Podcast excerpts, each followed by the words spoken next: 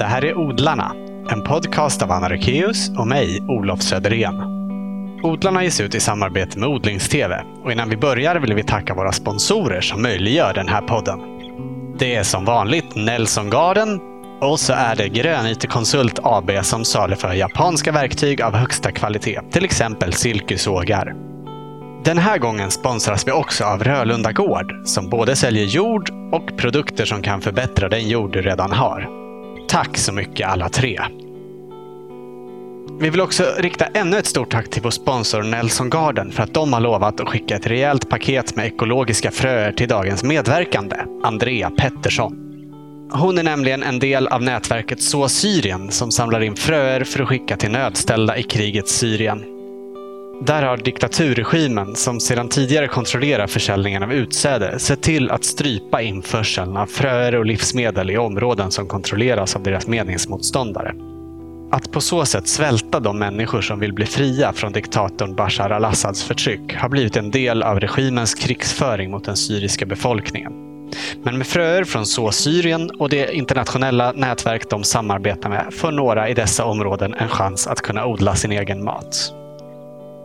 Andrea, som studerar till agronom, jobbar också med föreningen Växtverkets öppna odlingsverksamhet för barn i Folkets park i Malmö. Och det var där, i växthuset, som vi spelade in den här intervjun den 20 augusti. Varsågoda!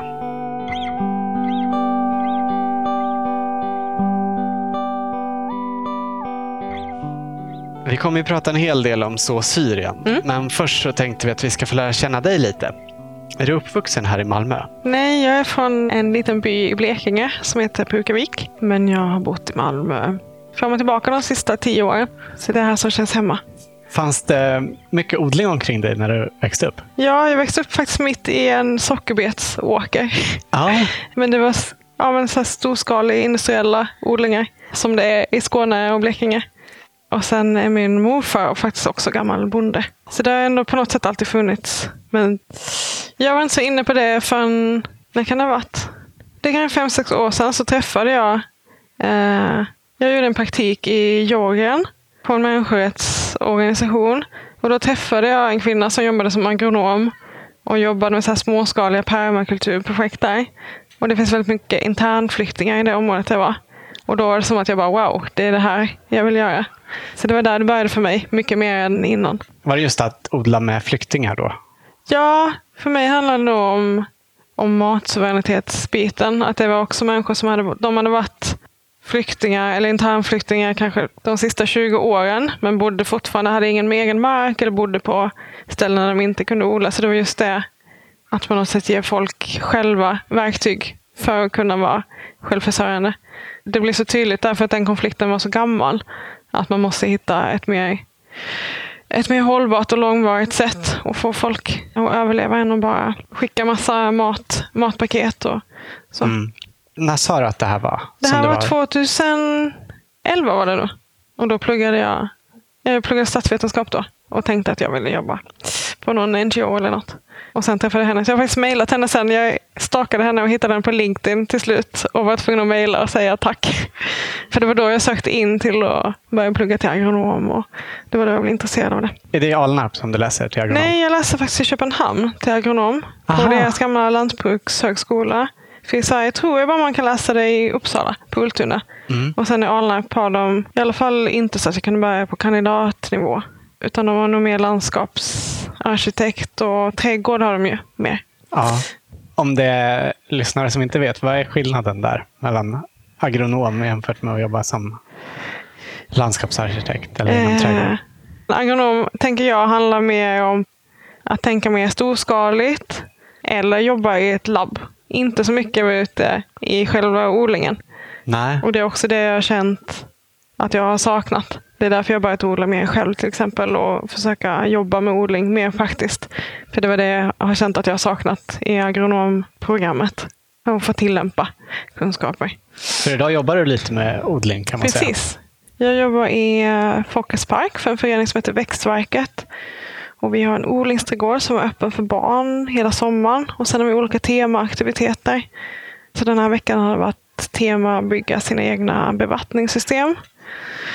Vi har haft fröbombstema, Och sen har barnen fått hjälpa till i trädgården med daglig skötsel med vattning och gräsrensning.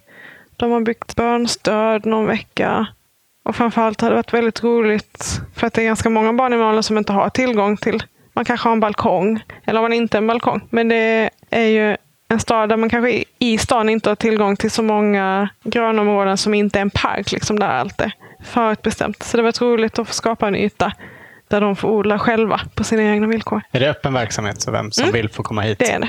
Och det har också varit väldigt roligt för det är många som är nyanlända i Sverige som sitter på jättemycket odlingserfarenhet som aldrig får komma fram. Så vi har också tänkt mycket på att skapa mötesplatser där folk får mötas för att de har samma intresse. Men där vi inte har, har sagt att det här ska vara en integrationsodling. Eller, men bara en plats där folk som är intresserade av samma grejer kan träffas. Så vi har också jobbat mycket att göra skyltar på olika språk.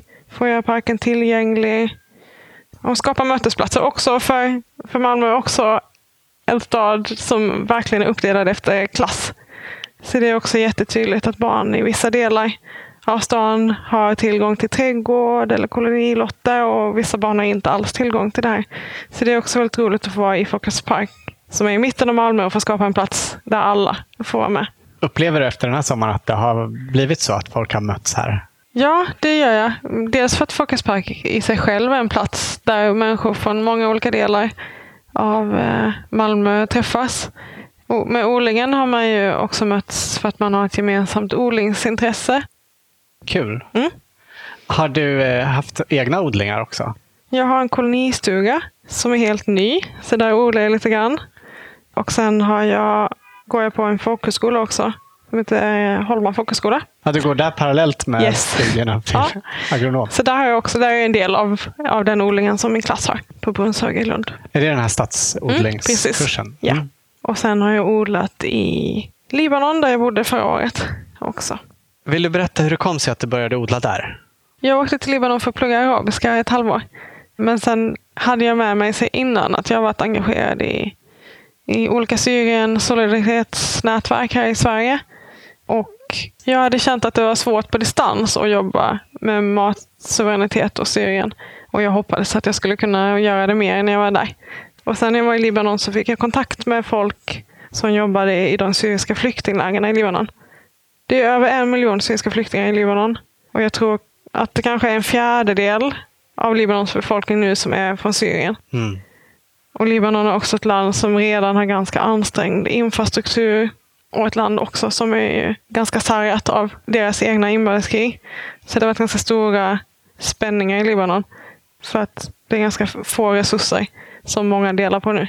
Mm. Så då kom jag i kontakt med några som jobbar i lägena med, med skolor och med vatten och mat och så. De frågade om de visste någon som kunde hjälpa. Så då var vi en grupp på fem personer som startade ett pilotprojekt med odlingar i flyktingläger det året. Det var förra året, 2015. Aha. Så då var det faktiskt ett läger som hade frågat de aktivisterna som brukade komma dit med matpaket och vatten och så, om de kunde få hjälp att börja odla. Inne typ nära deras tält eller i små kärl eller någonting. Och sen var det bara att jag och en annan tjej råkade få kontakt med dem precis när de här människorna hade frågat om de kunde få lite hjälp. Mm. Så då fick vi fröer från Tyskland, från de som har startat det här nätverket 15th Garden, som så Syrien också är en del av. Då fick vi föra igenom folk som hade skickats, de som annars skulle till Syrien. Och sen så byggde vi små bäddar i det lägret. Vi tänkte först när vi spånade på det här att vi ville ha en stor gemensam odling. Och sen visade sig att om man bott i ett läger i två år och måste dela på allt så var det väldigt skönt att ha en egen odling istället. Så då ändrade vi strategi. Så då fick alla odla på någon liten plätt utanför sitt tält eller på det här läget var ganska litet och också omgivet av murar. Så då pratade vi mycket om hur vi skulle kunna odla vertikalt. Eh, eller vi skulle kunna odla platseffektivt. Och utmaningen för mig där var nog att odla i ett helt annat klimat än Sverige. För att allt det som sitter i ryggmärgen för mig funkar inte. Det är helt, en helt annan säsong. Vissa grejer kan du odla kan du ha två säsonger i Libanon som inte funkar här. Eller vissa grejer som jag tyckte var svåra jag kommer ihåg att jag bara, aubergine det är jättesvårt. Aubergine var typ det mest lyckade av det som vi odlade där, för de kommer ju därifrån. Så det var för mig en ganska stor omställning att börja just där. Ja. Men ett bra utbyte av kunskap då kanske? Ja, det var jättekul, jag lärde mig jättemycket. Och där var det också många som hade odlat. Ganska ofta är det ju de som handlar, hamnar i flyktingläger i Libanon är kanske de som inte hade jättevälställt även innan i Syrien. För att annars så kan man ju ofta ta sig längre. Och då var det också många från landsbygden som har odlat. Och också Syrien har haft en ganska rik odlingskultur. Både att det är ett jordbruksland men också att, att folk har mycket småodlingar hemma. Men det som var annorlunda från Sverige, för här, det, här köper man ju alltid fröer och så. Och i väldigt många andra länder så gör man inte det. Man går till marknaden och köper uppdragna plantor. Så där var det också som att det krockade lite för att jag och den här tyska tjejen som jobbar med det här, för oss var det självklart att man alltid sår från frö. Men så är det inte alls där. Nej, så det var de ovana vid. Precis. Och vi tyckte att det var fusk typ att köpa plantor. mm. Har du exempel på sånt som du var van vid att det brukar vara lätt, som inte gick något bra? Eh, potatis mm. ville vi odla i, eh, i rissäckar. Och det är inte jättelätt i Sverige heller. Men där var det, det var ganska många, det var jorden, det var lerjord, alltså ganska kompakt lerjord som inte jag alls är van vid. Och det var jättetorrt. Och det har man inte heller, i alla fall i södra Sverige, är inte det heller något jätteproblem. Jag ska se vad som inte funkade. Det var mest att jag bara kom ihåg att jag förvarnade så himla mycket om den här auberginen, att det skulle vara så himla svårt. Ja. så bara. Men sen var det också ganska mycket med, med omgivningen. Kanske inte rent odlingsmässigt utmaningar. Men att vi också tänkte mycket på att vi inte ville skapa problem mellan personer som bodde i lägret. För det är redan också ganska ansträngt att bo på ett sådant ställe. Ja, såklart. Men det var ändå deras projekt. Vi ville inte ha kontroll över vissa grejer. Men det blev ändå svårt att då ge. För det här var också ett läger där de hade så himla lite. Alltså de flesta åt max ett mål om dagen. Så då, vi hade ju ändå en maktposition som vi var tvungna att vara medvetna om gentemot dem. Och då blir det konstigt om man väljer ut en person som ska ha ja, men typ sett potatis. Om man inte har någon mat så kokar man ju dem istället. Och då känns det konstigt att vi att man fick reflektera väldigt mycket över vad man gjorde och vi försökte alltid bolla både med de som vi kände som jobbade i lägren och som hade bättre koll och också de som bodde där för att inte skapa konflikter över resurser. Så det var nog en större utmaning än själva odlingen. Mm. Och sen var de här odlingarna också så små så det var inte vi ville ju att det skulle förbättra deras matsäkerhetssituation och det gjorde det inte för det var så små kvantiteter. Men vi pratade också mycket om vad det ger för andra värden. Det var många som tyckte det var kul att ta hand om växterna. Det var många som kände att det påminde dem om någonting som de hade haft hemma eller om hur det var att vara med och bo fast. Ja, men lite där och ha någonting som man tänker på, varje, att man kunde få, folk kunde få lite mer rutiner kanske. Mm det är en ganska tydlig bild av hur stor bristen är när du säger att man hellre äter upp sett potatisen ja. än att vänta på skörden. Ja, och det här var ett ganska litet läger. Ja. Det var också ganska bra eftersom också vi var nya. Det var första gången vi gjorde det här. Så det var också ganska bra för oss att det var en ganska liten grupp. Hur var det med vattenförsörjningen där? Vatten var faktiskt lite eh, knixigt för vatten är också en bristvara i hela Libanon. Det mesta vattnet i vanliga kranar är saltvatten till exempel, så att man köper vatten. Och även flyktingar får köpa vatten eller får man av en hjälporganisation. Så det första året när vi hade ganska små resurser, då fick folk vattna. Med det, kanske med vatten som man inte dricker. Men som man ändå var tvungen att få tag på från någonstans. Så vi försökte prata om täckodling och så. så olika sätt att spara vatten på. Men eh, det var en utmaning. Det var saker som dog för att de inte fick tillräckligt mycket med vatten. Och också någonting som de som har tagit vidare projektet har velat jobba mer med att rena vatten själva och på ganska så low tech sätt. Eller att skapa självbevattnande system till exempel.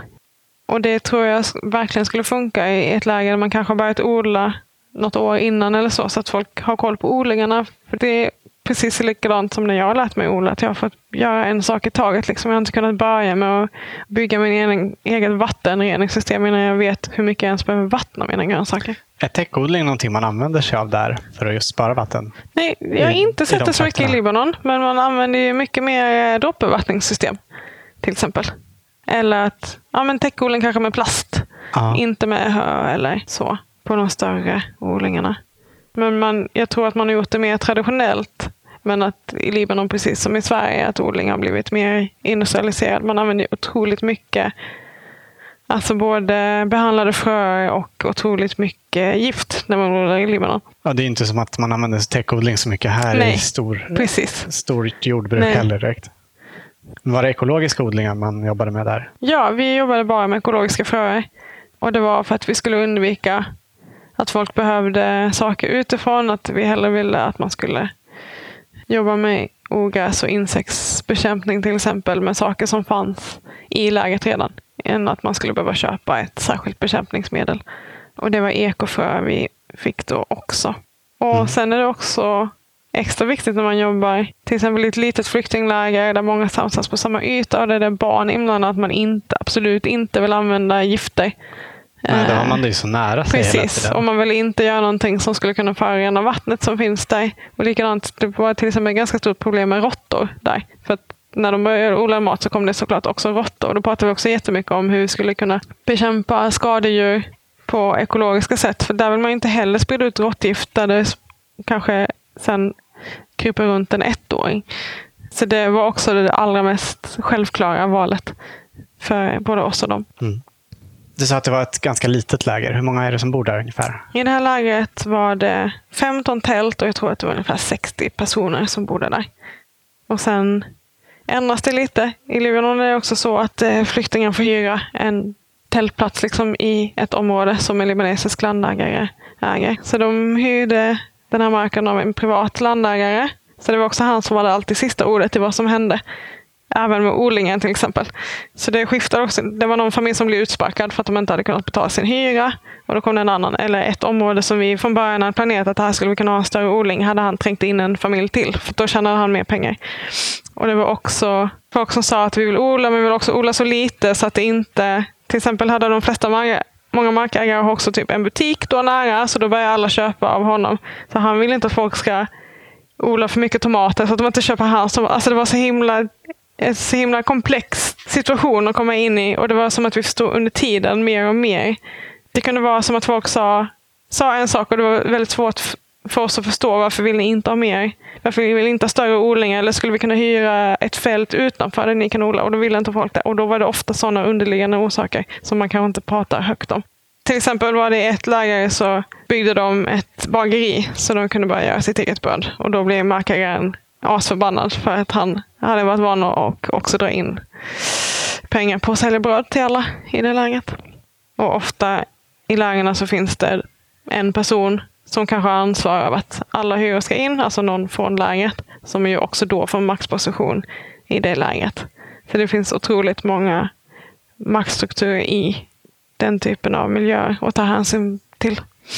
Så de flesta flyktingar jag har träffat, de hyr mark av en privat landägare. Och det gör ju också personer väldigt rättslösa. Till exempel det läget som vi jobbade i, det brann för två veckor sedan. Och då finns det liksom, det finns inget, jag tror det var två tält som var ner och ett barn som är skadat. Men det finns liksom inget system att falla tillbaka på för några, att folk blir väldigt utsatta.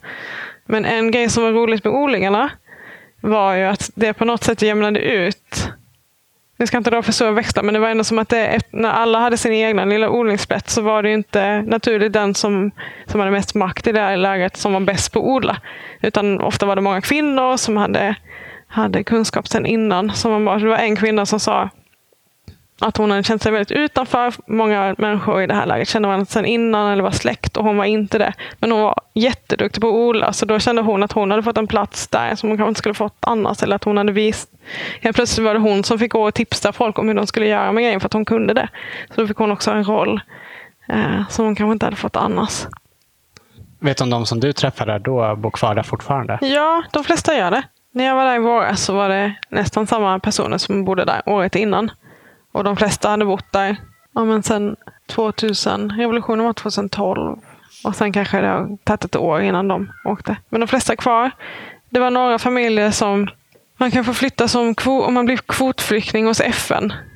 Det var några familjer jag pratade med som då väntade på att få åka till Kanada eller till Frankrike som eh, kvotflyktingar. Och sen var det ju såklart någon familj som har till slut valt att ta båten över Medelhavet till Europa, men de flesta är ju kvar. För det är också väldigt dyrt att vara flykting. Ja. Särskilt om man måste betala en hyra till en privat landägare. Det är omöjligt om du är från Syrien så är det väldigt, väldigt svårt. Du har ingen laglig rätt att jobba i Libanon. Så det blir också som att, om man tänk dig en vanlig svensk familj, om man har några hundratusen sparade och sen helt plötsligt har en hyra och betala och en familjeförsörja och inte få in någonting mer. Alltså man kan ju tänka sig att det tar inte så himla många månader innan hela en sparkapital är slut. Liksom. Nej. Då är man i princip hänvisad till att jobba svart för att få in pengar till hyran. Ja, och det är ju också att man är mycket lättare att utnyttja. Ja. Det är många, speciellt kvinnor i lägren som jobbar på vi var i Bekkardalen som ligger precis vid gränsen till Syrien. Och det är en stor jordbruksregion. Så det var många som jobbade extra på fälten för libanesiska jordbrukare. Mm. Och att många barn får jobba. Många barn som säljer tuggummi eller servetter till bilar. Så allt ställs liksom på sin spets. Men barn blir mycket mer sårbara för att bli utnyttjade på olika sätt till exempel. Och vuxna har ju också mycket. Det finns liksom ingen rättssäkerhet för någon riktigt. Nej. Vet du om det finns andra som har tagit efter ert exempel i andra läger? Ja, det var ganska många. Jag tror att det är folk som har... Vi träffade familjer i andra läger som hade börjat odla själva. Och sen så vet jag att det är ganska många, eller så sista året har jag sett ganska många större NGOs, typ så Oxfam och det finns en stor som heter Mercy Corps som också jobbar i Libanon. Som har börjat med odling i lägren. Så vi Mm. började faktiskt jobba i Libanon i juni, början av juni. För då var det en permakulturförening som började göra liksom en omgång två av vårt projekt. För då hittade vi folk, eftersom både jag och den här tyska tjejen inte var bosatta i Libanon så ville vi gärna hitta folk som var där och som kunde ta projektet vidare. Så de har haft samma projekt fast i tror åtta olika läger under hela sommaren. Så de har varit där en gång i veckan och haft workshops. Ja. Så det känns roligt att det har fått spridning. ja. Men det här som du är inblandad i nu, Så Syrien. Ja. Berätta lite varför det behövs. Så Syrien tillhör ett nätverk som heter The 15th Garden. Som finns i Sverige, Tyskland, Grekland, Frankrike. Är Eh, ni liksom den svenska delen eller Ja, finns det precis. fler här som håller på med Nej, det? det är vi som är ett gäng i Malmö. Mm. Och det startades från början för att det var personer, aktivister i Syrien som efterfrågade just hjälp med att kunna odla själva. Och Ja. Särskilt de städerna som har varit rebellkontrollerade. Och då har de behövt ha eh, Eh, ett annat sätt att få mat och kunna odla än via syriska regimen. För Syrien är ju ett, alltså sedan länge ett jordbruksland, men syriska regimen har också haft ganska hård kontroll över utsäde. Så det innebär att de rebellkontrollerade områdena inte haft tillgång till samma utsäde till exempel, som de skulle ha haft innan. Så då var det folk i städerna och aktivister som kände andra aktivister i Libanon och Europa som ville ha hjälp med att kunna odla. Så det började inifrån. Och då var det en grupp med tyska aktivister som började och som också har som var jordbrukare själva i Tyskland och som har varit ganska aktiva i matsuveränitetsrörelsen innan. Som ville att nu börjar vi stötta Syrier i det här. Så jag fick kontakt med det här nätverket när jag var i Libanon. För att det var samma personer som odlade i flyktinglägren. Så det var så det började. Och för oss har det varit också en möjlighet att kanske lyfta, för att Syrien har blivit en ganska svår och komplicerad fråga, men också kanske bredda liksom gruppen av personer som är intresserade av det. Varför ska man skicka fröer till Syrien? Jo, och då kan man helt plötsligt få veta att ja, men vad Assad-regimen har gjort mot det syriska folket, hur man också för krigsföring, alltså rent matmässigt. Det är jätteofta fält som bombas till exempel. Varför är det det? Jo, fast det är en otroligt strategisk grej att göra i krig. Att eh, klippa av folks möjlighet att försörja sig själva. Ja, nu kommer ett litet barn här. Hej! Hej, hej! Eh, och då har det varit en möjlighet för oss att få berätta om vad som händer i Syrien, men genom något annat än de vanliga nyheterna. Att man kan få en koppling till vad som händer i Syrien som odlare kanske. Och att det blir i så fall blir lättare att förstå vad som händer. Också om man skickar egna för att man på något sätt får en, en personlig relation till vad som händer där just nu. Istället för bara de, bara de vanliga nyhetsbilderna. Eller vad det, för det är ganska stort. Det, är, det pratas ju väldigt mycket i Syrien, men det är fortfarande väldigt svårt för många tror jag att ha en egen åsikt om vad som händer. Och också för att syriska revolutionen också hamnade lite i skuggan av de andra arabiska vårrevolutionerna. Och att det sen har blivit en konflikt som inte bara handlar om två parter utan många, många fler. Så det har varit ett fint sätt att förbygga liksom en brygga mellan odlare i Sverige och i Syrien. Och prata om matsuveränitet och, och rätten till att få klara sig själv. För det är också det hela syriska revolutionen kommer ifrån. Att folk ville klara sig själva och bort med en regim som har styrt deras liv i årtionden på ett fruktansvärt sätt. Vet du hur stora områden eller hur många människor det är som är drabbade just av det här med att regimen blockerar införsel av utsäde och mat? Jag har inga siffror alls, men alla belägrade områden har ju det problemet att de måste vara regimtrogna om de ska få utsäde och mat. Mm. Men jag har faktiskt ingen aning om hur mycket folk det kan röra sig om. Har du själv varit i Syrien? Nej, jag har inte varit i Syrien. Jag träffade syrier som kom till Sverige, som inte kunde stanna efter att de hade deltagit i revolutionen i början. Och Det är ofta många som blir förvånade när man, inte, när man brinner för en plats som man inte har varit på. Och för mig är det verkligen odlingen som har gjort att jag känner mig väldigt eh, engagerad i det här landet och i det här folket. Mm. Är det några i nätverket som själva har någon anknytning till Syrien? Ja, eh, några av de som är med i vår grupp i Sverige är från Syrien. Och det har också varit väldigt viktigt för oss att försöka hitta människor från Syrien för att det är mycket lättare för dem att veta vad folk behöver och de har fortfarande kontakt med, det är väldigt många som kommer till Sverige som fortfarande har sina familjer och släkt och vänner i Syrien. Så det är mycket lättare att olika idéer kommer från dem för att de har koll på läget och koll på vad som behövs. Och så kan vi svenska aktivister sköta den svenska sidan, eh, kommunikation och, och så. Och de här fröerna som ni samlar in och skickar dit då? Går de till enskilda odlare eller till kollektivodlingar? Eller? Det har gått till lite olika. Från början har det gått till enskilda odlare i framförallt belägrade städer. Till exempel finns det ett gammalt palestinskt flyktingläger i Damaskus som heter Yarmouk som har varit belägrat av regimen jättelänge och också av Isis. De har fått ganska mycket förhör till exempel. Så att enskilda, det har varit kanske små nätverk av, av människor. Och sen har det också varit lite eh, NGOs som har startats av syriska aktivister som också satsat på odling, så då har de fått. Och, och till exempel i, för det har ju varit så i Syrien att när vissa områden har blivit befriade, så i alla fall i början så skapade de då liksom medborgarråd i alla dem. Till exempel i Aleppo finns det liksom ett eh, local council, heter de. Så då är det ofta de här local council som har bildats efter att områden har, har brutit sig loss från regimkontroll och då liksom har man skapat de här råden för att dela med allt som man måste dela med. Alltså vatteninfrastruktur och så. Och det är också ofta, jag vet inte om våra frö just gått just dit, men jag vet i alla fall eller på att de har startat odlingar i stan som har varit de här local council som har styrt upp. Och sen har det också gått till skolträdgårdar, en del av dem. Ja. Och då har det också varit eldsjälar som tycker att det är viktigt och som ser att det är också viktigt, även om det är krig, att barn får lära sig. Att det är en jätteviktig kunskap att ha, särskilt i krig till exempel. Hur ja. man försörjer sig själv.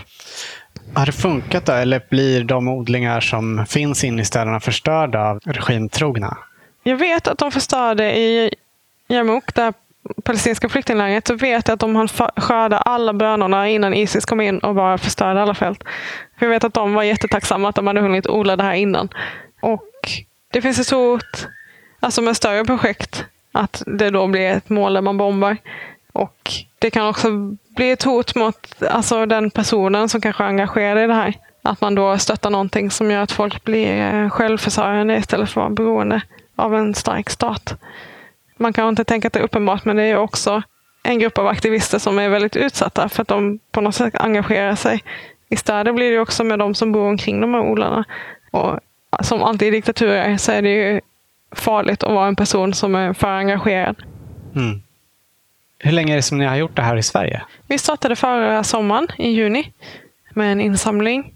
Då var vi tre personer i Malmö och nu är vi några till. Så vi har främst försökt använda sociala medier för att samla in fröer. Vi skulle jättegärna vilja göra mer kanske utåtriktat informationsarbete eller filmvisningar eller så. Men vi har försökt göra det ganska enkelt för oss och också för andra folk att skicka fröer som vi skickar vidare. Så mest har det skett via Facebook faktiskt. Hur många är det som har skickat fröer till er hittills? Vad kan det vara? Vi har faktiskt inte räknat antalet försändelser. Men jag skulle gissa på att det är ett 50-tal personer kanske. Aha. Under förra året. Och sen hoppas vi, det har gått lättast att samla in fröer på hösten. Så vi hoppas att att ännu fler, att samma människor förhoppningsvis som skickade innan vill fortsätta skicka och också att vi får några fler. Mm. Är det just att folk har haft över från årets ja, odlingar? Precis, ja, och också att det ofta brukar vara lite nedsatt pris på fröer efter sommaren. Så det är också folk som har, som har köpt fröer och sen skickat till oss. Bra. Mm. Hoppas det kommer mycket nu i höst. Ja, Hur många sändningar har ni fått iväg? tre lite större försändelser har gått iväg sedan vi startade. Och en gång så träffades vi också upp olika nätverk av de här nätverken i Europa. Träffades upp för till exempel de i Frankrike har mycket, mycket större kvantiteter. För de har, det finns ju mycket, I Frankrike finns det mycket mer småskaliga ekologiska odlare som ändå är liksom professionella och överlever på det här. Och som är väldigt bra på att ta fröer. Så de hade, alltså de hade jag vet inte, 50-60 kilo kanske som de hade samlat in. Och det var väldigt fint för de gjorde det som vi hade jättegärna gjort om vi hade haft lite mer tid och resurser. De var liksom en biokaravan som var i hela södra Frankrike en sommar. Så de visade filmer i olika områden som hade med Syrien att göra. Och sen så fick människor i de områdena komma med sina fröer och så plockade de upp dem. Så det gjorde de hela förra sommaren. Ah. Eh, Det var två syskon som gjorde det här. Så den, vad heter den? Grön Cinema. Frö och bio. Och sen har, är det också en fröbank i Grekland som också har skickat jättestora mängder fröer. Och jag tror att de startade i Grekland under krisen där och tar sitt eget utsäde och skapar fröbanker. Så det har också varit en så himla fin solidaritetshandling att de, fast de har haft det ganska, ganska kämpigt själv sista åren, ändå har valt att skicka ganska stora mängder fröer till Syrien. Och det har också varit så himla bra för att, eftersom det är medelhavsklimat, att de fröna har varit mer anpassade till syriska förhållanden än kanske de svenska. Ja, för det är många där som använder sig av odling också för att klara sig. under Exakt, det är många som har flyttat tillbaka till landet och också det här med Peleti heter den organisationen som vi har jobbat med som har skickat mycket fröer. Som har olika fröbanker över hela Grekland. Och också det här med fröbanker har också varit något som vårt större nätverk gärna har velat överföra kunskap till, till folk i Syrien. För det är också ett sätt att kunna jobba lite mer långsiktigt, inte bara skicka fröer. För det känns ju jättemeningsfullt att göra nu, men det är inte det man vill göra på sikt. På sikt vill man ju att folk ska kunna ta sina egna fröer och kunna laga dem själva under förhållanden som är bra. Så att de kan. Det är också det som har varit meningen från början, att folk ska bli så att man kan bli självförsörjande på fröer Precis, också. ja. Att folk inte ska bara förlita sig på att vi skickar frö från Europa. Och att då folk kan jobba med och eh, förädla själva till de förhållanden som de är i. Mm. Vi har haft ett lite så specialpaket från Sverige. Det var en, någon i Abisko till exempel som skickade mycket frö som vi då har sett till så att de har hamnat i väldigt bergiga trakter i Syrien. Där man har, vill kunna odla fast det blir frost och så ibland. Så det har varit roligt ändå att kunna bidra med lite sådana grejer. Mm. Vet om alla försändelser ni har skickat har nått fram som de ska? Nej, vi kan inte riktigt ha koll på. Dels är det inte alltid vi vet här i Sverige vem som ska få våra fröer i Syrien. För det handlar också om tillit väldigt mycket. Att det kan bli lättast för dem där om de redan är i en utsatt situation. Att folk inte vet för mycket på vägen. Så det har, det har varit väldigt individuellt vem som har fått vilka fröer. Och det vi har främst fokuserat på att anpassa försändelser efter klimat och omgivningar och så. Och det vet jag att de i Tyskland också till exempel har försökt, när de har förädlat fröer, försökt anpassa efter de villkor som är i Syrien. Och sen kan det också vara, vi skulle jättegärna vilja ha ett bättre feedbacksystem. Men det är också svårt att skapa ett feedbacksystem både där folk kan vara anonyma och också är det också beroende av att folk i Syrien har tillgång till internet och det har man inte alltid. Det har vi också märkt med vissa. Om vi har försökt skicka broschyrer eller infomaterial att ja, men det är bra om det går att öppna på en mobil till exempel. Så inga jättestora pdf-dokument eller att vi ofta försökt skriva kanske bara en Facebook-post om det för alla. De flesta har Facebook och läser det. Vi har funderat mycket på om vi ska göra så här Youtube-instruktionsvideos för hur man gör vissa grejer i vårt större nätverk. Liksom. Ja. Och nu har det också hänt roliga grejer. Att till exempel har folk älskar att skicka massa olika typer av tomater till exempel. Och sen har, har de skickat bilder till oss med tomater som har varit svarta eller orangea. Något som folk inte har varit vana vid. Eller också till exempel i det här flyktinglägret där vi var. så tror jag vi hade körsbärstomater och det är inte alls vanligt i varken Libanon eller Syrien. Så då var det som att folk bara väntade och väntade och väntade på att tomaterna skulle bli stora, sen så bara ruttnade de. Så det har också varit viktigt för oss att och ge väldigt tydlig information om vad varje frö är. Och ännu mer om man är i en ganska utsatt situation så blir det ännu svårare att avgöra, är det här normalt eller inte? Ska squash eller zucchini se ut så här? För det finns så himla många olika sorter. Så det är också något vi har försökt jobba med här i Sverige, att samla in större kvantiteter av samma sort istället för att skicka 50 olika tomatsorter. Och vilket också blir lättare för de som odlar om de vill ta egna fröer så att det inte håller på att krosspollineras hela tiden. Så det har varit en liten utmaning för oss att kunna samla in från småodlare men ändå göra något större av det. Så de flesta svenska fröerna har gått till mindre odlingar i Syrien också, där man kanske inte har tagit egna fröer eller så. Men där man ändå, ja, men typ så här skolgårdsodlingar och så. Men inte till de som har velat ta eget utsäde. Nej. Hur går man tillväga då om man skulle vilja bidra på något sätt? Ja, då går man in på vår Facebook-sida som heter Så Syrien. Och sen skickar man ett meddelande där så får man en adress som man kan skicka fröer till. Och då vill vi inte att det ska vara hybrider för att folk ska kunna ta eget utsäde. Och vi vill att det ska vara fräscha fröer, så inte det du inte vill odla själv till exempel. Och så vill vi att fröerna som skickas gärna ska vara torktåliga i den mån det går. Och sen skickar vi bara ekologiska fröer. Och sen vill vi att det ska vara tydligt märkt vad det är för sort. Om man har någon särskild information om just den sorten så får man skriva det så översätter vi det till arabiska och skickar vidare. Och om man inte har Facebook då kan man eh, mejla oss på vår mejladress som är frötillsyrien.gmail.com. Och så får man Fröer till Syrien som ja, ett ord? Då. Precis. Mm. Eh, och så får man också en instruktion på hur man gör. Och sen bara postar man ett vanligt paket med frö. Ja. Du sa att ni gärna vill ha stora kvantiteter. Mm. Men om man har liksom några få små påsar eller kanske till och med öppnade påsar där det är fröer över i som man inte behöver själv. Då går det jättebra att skicka dem till oss också. Och då går de ofta till lite mindre som de här flyktinglägerodlingarna. Eller till skolgårdsodlingar. Eller till folk som vill odla vanliga människor som vill odla precis som vi vill i städer. Aha. Så det är verkligen inga problem alls. Men om man har någon kontakt som har lite större kvantiteter så får man också jättegärna tipsa om det. Om man har fröer som man har odlat själv, då vill ni helst att det ska vara sortäkta Precis, fröer. det vill vi. Ja, och det är ganska viktigt att det ska vara det. Och också att man ser att det är friska fröer så att vi inte tar med oss nya sjukdomar Nej. till Syrien. Och också, det blir också, alla grejer ställs på sin spets under krig och konflikt. Att det blir mycket om du lägger jättemycket energi på att arbeta en åker och sen så såg du någonting som redan har en svampsjukdom eller något med sig, då blir det också väldigt Ja, det kan ju slå det väldigt blir, hårt. Ja, precis. Det blir ödslad energi som du skulle. För då, det är ännu viktigare att saker, att saker verkligen är bra när vi skickar dem dit så att folk inte lägger sin energi på saker som inte ger dem någonting. Nej. Och också att man tappar, det märkte vi också jättetydligt i Libanon i flyktinglägren. Att har du bott i flyktingläger i tre år, man har liksom inte så mycket extra energi till att överseende med att grejer inte funkar. Så då var det också jätteviktigt för oss att inte prova för mycket nya grejer, typ med så här vertikalodling. Eller det var jättemånga som tyckte att vi skulle börja med aquaponics till exempel. Men att för oss kändes det så mycket viktigare att satsa på grejer som vi vet funkar sedan innan så att folk inte tappar sugen. För det vet man ju själv också om man har lagt jättemycket tid på sin odlingslott eller vad det nu är. Och så funkar det inte, då pallar man liksom inte göra det nästa år. Om man då dessutom är beroende av den här lilla ytan för att få mat, då är det ännu viktigare att det verkligen, verkligen funkar. Är det några särskilda grödor som ni extra gärna tar emot fröer från? Väldigt gärna alla sorters bönor och eh, kikärtor och ärtor för att det är bra. Det är protein. Squash, pumpa är också populärt för att det är lättodlat och det är också ganska stora, mycket, alltså stora kvantiteter. Aubergine, tomat, gurka, också populärt.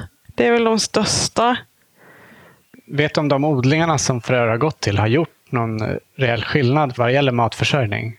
Ja, det vet jag att det har gjort. Dels har de vi har skickat fröer sagt det. Och dels vet jag till exempel, nu pratar om det här flyktinglägret igen, palestinska som heter Yarmouk som ligger i södra Damaskus. När det inte kom in något där, då åt folk gräs. Och då var det, även om man odlar, alltså ibland kan det vara så himla lite som gör skillnad. Det var till exempel där de kunde odla bönor. Och då var bönorna liksom skillnaden mellan att få äta en soppa av gräs eller få äta en böna med protein med aminosyra. Alltså, så även väldigt små grejer gör skillnad när, man är, när folk är så utsatta. Mm. Är det någonting mer som du tycker att vi borde prata om? För oss har det varit väldigt viktigt att prata om att det här är ett initiativ som kommit in från Syrien. Och att det också är ett väldigt lätt sätt att stödja folk i Syriens eget självbestämmande och makt över sitt eget liv. Och att jag hoppas att det, att det kan också få folk att öppna upp ögonen för en konflikt som jag tycker att vi inte ska glömma. Och att även om det här är ett krig med otroligt många sidor och åsikter nu, att det också handlade från början om att det var ett folk som ville bli av med en diktatur som har förtryckt dem. Och att jag tycker det här är ett bra sätt att kunna, kunna bidra till den kampen. Mm. Vi brukar alltid avsluta varje intervju med att våra medverkande får ge sitt bästa odlingstips. Ah. Och vi drar iväg lite från det här som vi har pratat ah. om nu. Men har du något eh, odlingstips, odlingstips du skulle vilja dela med dig av? Uh, mitt tips är nog att inte vara för nervös. Att det, det mesta brukar växa i vilket fall. Och inte bli för... Jag har själv innan känt att det var läskigt att börja odla för att jag har känt att det har funnits, att jag borde veta mer innan jag börjar. Men att typ bara köra på och prova. Och att det mesta kommer av sig själv. Och att jag känner fortfarande att jag alltid blir lika förvånad varje gång det kommer upp något jag har sått ett frö. Ja, det är häftigt. Och det var också det som var så himla häftigt i Libanon. Att folk var jätteskeptiska när vi började också. Och sen var det som att när, när saker började komma upp att det faktiskt hände någonting. Att folk var så här, wow, jag har gjort det här. Det här är mitt. Mm. Så det är mitt bästa. Det är en häftig känsla. Ja. Du, tack så jättemycket för att eh, vi fick komma hit och träffa dig, för att du tog dig tid. Tack för att jag fick vara med.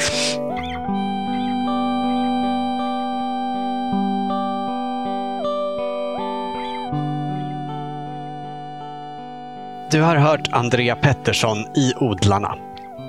Vill du veta mer om Så Syrien? Eller vill du kanske precis som vår sponsor Nelson Garden bidra med fröer till insamlingen? Så leta upp Så Syrien på Facebook och skicka dem ett meddelande där så får du veta hur du ska göra. Det går också bra att mejla till froertillsyrien@gmail.com. Och de tar som sagt tacksamt emot alla fröer utom hybridsorter, bara de är ekologiska och i fint skick. På Så Syriens Facebook-sida brukar de också länka till en massa bra artiklar om sånt som rör odling, matförsörjning och kriget i Syrien. På odlarnas webb och Facebook-sida ligger några bilder från flyktinglägret i Libanon som vi fått av Andrea. Där finns också bilder från de flesta av våra tidigare medverkandes trädgårdar och odlingar. Tack för att du lyssnat och stort tack igen till våra sponsorer Grön IT Konsult AB, Rölunda Gård och Nelson Garden som möjliggör den här podden. Redaktör för Odlarna är Anna Rukeus. Jag heter Olof Söderén. Vill du följa oss och vår odling så kan du göra det på thewaveswemake.se snedstreck spenat i stan. Ha det bra! Hej då!